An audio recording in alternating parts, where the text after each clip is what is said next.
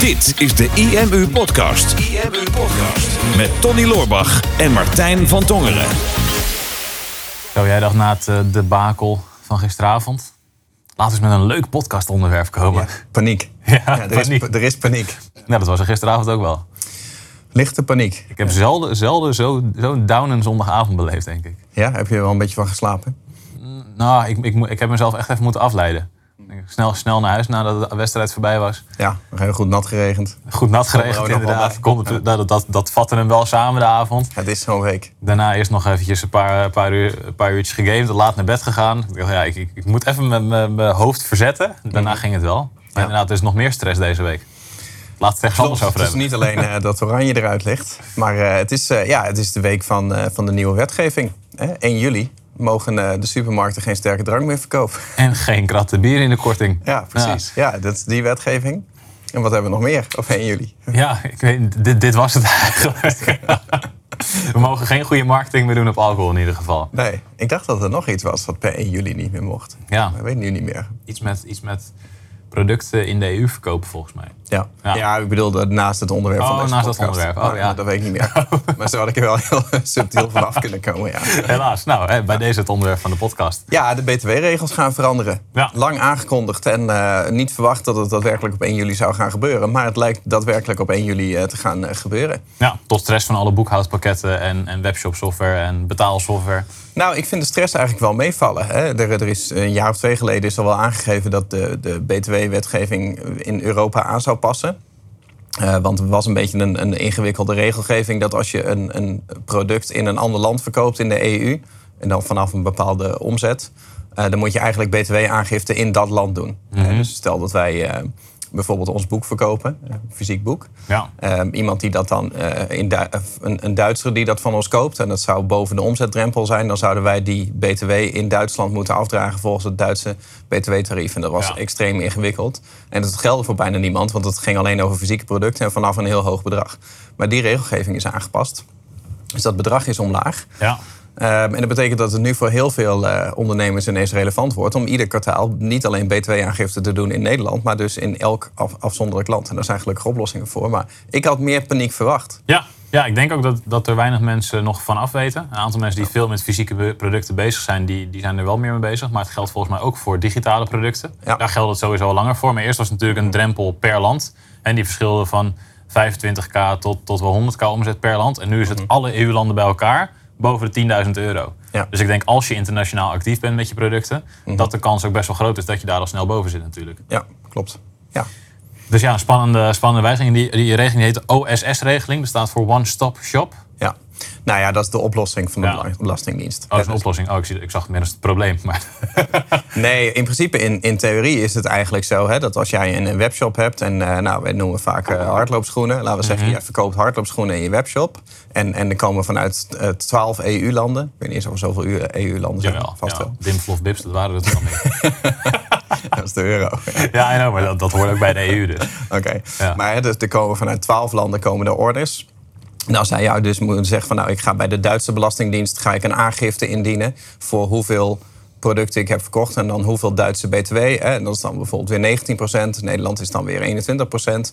En dan ga je daar in Duitsland aangifte doen en aan de Duitse Belastingdienst je muntjes overmaken. Ja. En dat zou je dan keer 12 doen in al die landen. En ehm, de Nederlandse overheid heeft gezegd van wij doen een one-stop shop. Dat betekent dat je als je je aangifte uitsplitst, dat je een losse aangifte kan doen. Eh, bij de Nederlandse Belastingdienst. En dat zij dat dan verrekenen met die andere landen. Oh, check. Dus, dus het enige wat jij hoeft te doen is eigenlijk van al je omzet inzichtelijk te maken in welk land je dat product hebt geleverd en welke BTW daarbij hoort. En, en dat is een losse aangifte, daar moet je een certificaat voor aanvragen. En dat is een losse aangifte die je dan bij de Belastingdienst doet. En dan maak jij al je muntjes naar Nederland over. En Nederland die, die verrekent dat dan onderling. Ja, precies. Maar wij, wij als ondernemer hoeven zelf niet dat certificaat te hebben, toch? Als je een boekhouder hebt die dat certificaat Volgens mij heeft. moet je dat certificaat zelf hebben. Oh. Ja. Tenminste, denk, ik- mijn, eh, Ik dacht, dacht net gelezen te hebben van jouw broeder dat het andersom was. goede bekende van mij, Ger- Gerard Loorbach, die eh, heeft daar een blogje over geschreven, staat op IMU. Even kijken hoor. Hij, hij zegt daar wel iets over. eh, daar moet je op letten. Je moet, zelf een, eh, je moet het certificaat hebben. E-herkenningscertificaat niveau 3. Oh, indien je een boekhouder hebt met een certificaat, dan kun je deze machtigen en heb je zelf geen certificaat nodig. Oh, nou, tot. Scheelt Heb weer. je dat goed gelezen? Dus wij- jij dat goed gelezen? Dus wij hebben hem niet nodig in ieder Ja, geval. nou, we hebben ons goed voorbereid. Ja. Ja, dus, maar dat, dat is wel mooi. We hebben daar best wel hard aan, eh, aan gebouwd natuurlijk de afgelopen tijd. Omdat wij natuurlijk met plug-and-pay een betaalsysteem bieden. ja. Eh, al dan niet een, eh, een facturatiesysteem. En eh, ik vind het heel gaaf, want het is gewoon op tijd af. Ehm, dat, dat, dat is heel bijzonder. ja, nou ja, omdat, eh, waarom is dat zo bijzonder? Niet alleen omdat wij nog wel eens moeite hebben om een deadline te halen, maar als ik om me heen kijk, andere webshops, ehm boekhoudsoftware, die hebben het gewoon allemaal niet klaar. Volgens mij eh, de boekhoudsoftware waar wij mee werken, Real Easy, die is ook deze week aan het uitrollen. Die waren gepland volgens mij om dat vandaag te doen. Terwijl Vandaag. op donderdag de, de uitrol echt is. Ja, en een heleboel systemen hebben zoiets van, nou, we, we, wachten, we wachten wel even. Het lijkt niet echt eh, hele grote paniek te zijn. Terwijl, kijk, je moet natuurlijk pas in oktober, als jij kwartaalaangifte doet, in oktober hoef je pas die aangifte te doen. Ja. Dus nu is er niks aan de hand. Maar in oktober moet jij aangeven bij je aangifte van deze omzet heb ik allemaal geboekt met deze verschillende landen en deze verschillende BTW. Dus als jij vandaag omzet maakt, dan is het wel handig dat dat vandaag al correct in je systeem staat. Ehm, en dat is wat Plug Pay heeft gedaan. Dus dat je nu ehm, in Plug Pay op de checkouts dat dat al op de juiste manier eh, verwerkt wordt. Hè. Dus als er nu iemand eh, vanuit Duitsland op onze checkout komt, dan zit daar IP-herkenning op. Ehm, en dan ehm, eh, wordt die, eh, zien wij al van nee, deze order is vanuit Duitsland. En dan zetten we daar ook de Duitse BTW van, van 19% op. En ik ga niet helemaal de details in hoe het werkt. Mede ook omdat ik dat niet weet. Eh, maar ik weet in ieder geval dat het helemaal goed werkt. Weet je, Gerard en eh, Gerard, mijn broer, onze boekhouder. En eh, Martijn eh, van uh, Plug die hebben daar heel hard op zitten, zitten bouwen. Ja. Dat het nu helemaal kloppend is. En dan heb je het aan de achterkant heb je het al goed staan. Dus dan weet je al dat nu elke order die geplaatst wordt... dat die er op de juiste manier in staat. Ehm, en dat als je straks aangifte gaat doen... dat je daar alleen maar een uitdraai van hoeft te maken. En als je Gerard als boekhouder hebt, hè, kleine sluikreclame... Dan, eh, dan hoef je daar geen zorgen over te maken. Ja, ja, ik vind het wel gaaf, want ik weet nog dat wij het hier in het, al eerder over gehad hebben. Toen wij een partnermeeting hadden ook met de jongens van Plug Pay. Van oké, dit gaat eraan komen. Maar hoe ga je het splitsen, die BTW? Want eh, ehm, kijk je inderdaad op basis van IP-adres of Mhm. kijk je op basis van locatie?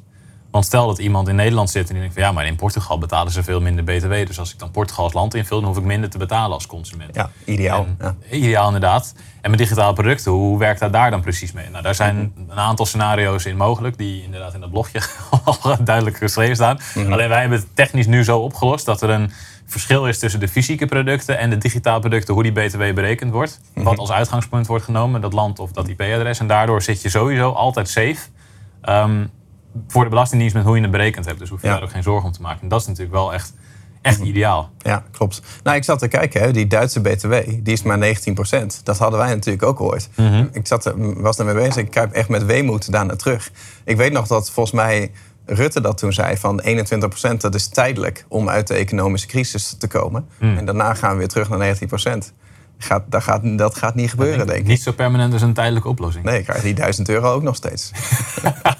Die hebben we al lang teruggezien in onze koopkracht. Oh, oké. oké. ja.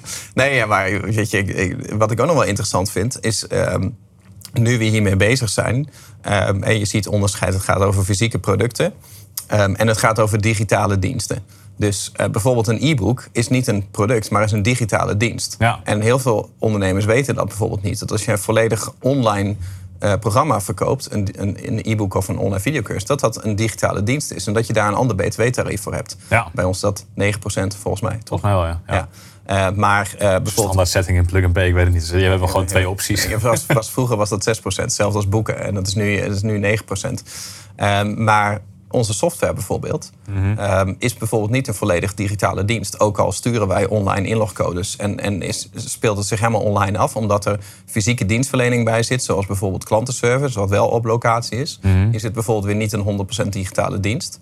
Ehm, en dan heeft het met deze regeling niks te maken. Ja. Dus, dus je hoeft alleen maar die, die EU-aangifte, die gaat alleen maar voor fysieke producten en 100% digitale diensten. Ja. Als, als ik, en mocht ik nou iets fout zeggen, dan, dan moet je me daar niet op aanrekenen, want dat staat allemaal netjes in ons blog. Wij zijn geen fiscalisten. Nee, nee, wij dit- zijn alleen sprekers. Ja, precies. Wij vertellen gewoon wat wij denken te weten van Wij marketing en alleen finance. pronken dat Plug Pay dit gefixt heeft. En Exact. dat daarom de rest van het land een probleem heeft. Behalve iedereen die klant is bij Plug Pay.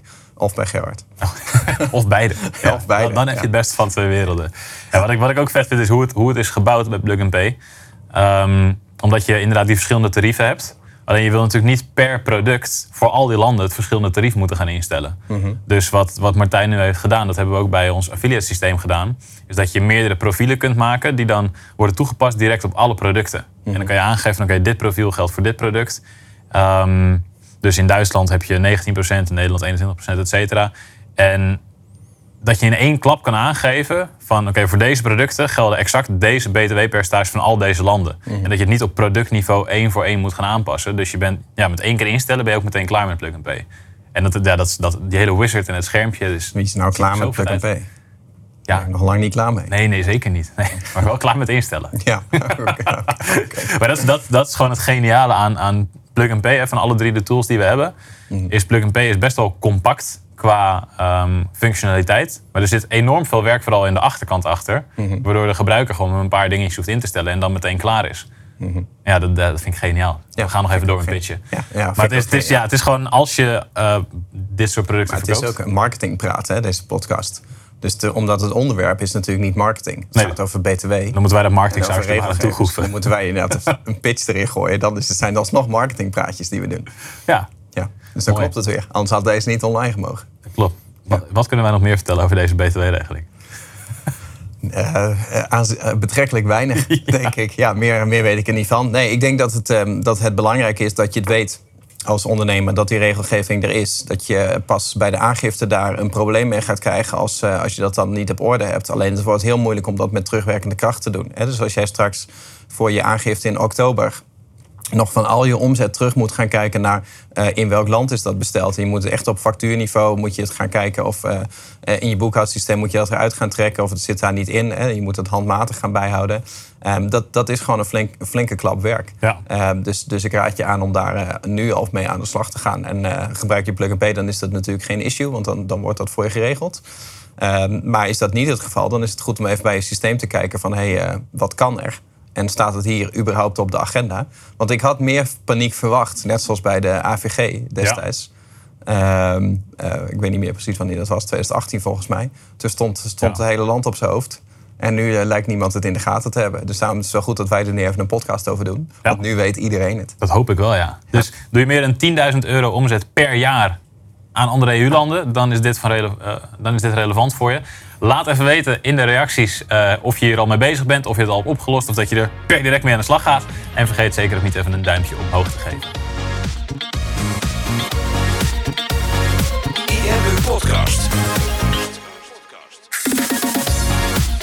Super tof dat je hebt geluisterd naar de IMU podcast. Ik hoop dat je dit waardevol vond en dat je er inzichten uit hebt kunnen halen voor jezelf en voor je eigen business. Vond je dit nou een waardevolle podcast, dan zouden Tony en ik het heel erg waarderen als je dat zou willen delen. Enerzijds door dat bijvoorbeeld te delen via je eigen Instagram of via LinkedIn. Door een screenshot te maken van je telefoonscherm en ons er even in te taggen. Maar wat we nog meer zouden waarderen is als je de tijd en moeite zou willen nemen om een review achter te laten. Werk je met een Apple-telefoon, dan kan je dat doen binnen je eigen podcast-app door daar een review te geven. Geef ons een x aantal sterren met daarbij een korte motivatie wat je van onze podcast vindt. Zouden we echt enorm waarderen als je die tijd zou willen nemen.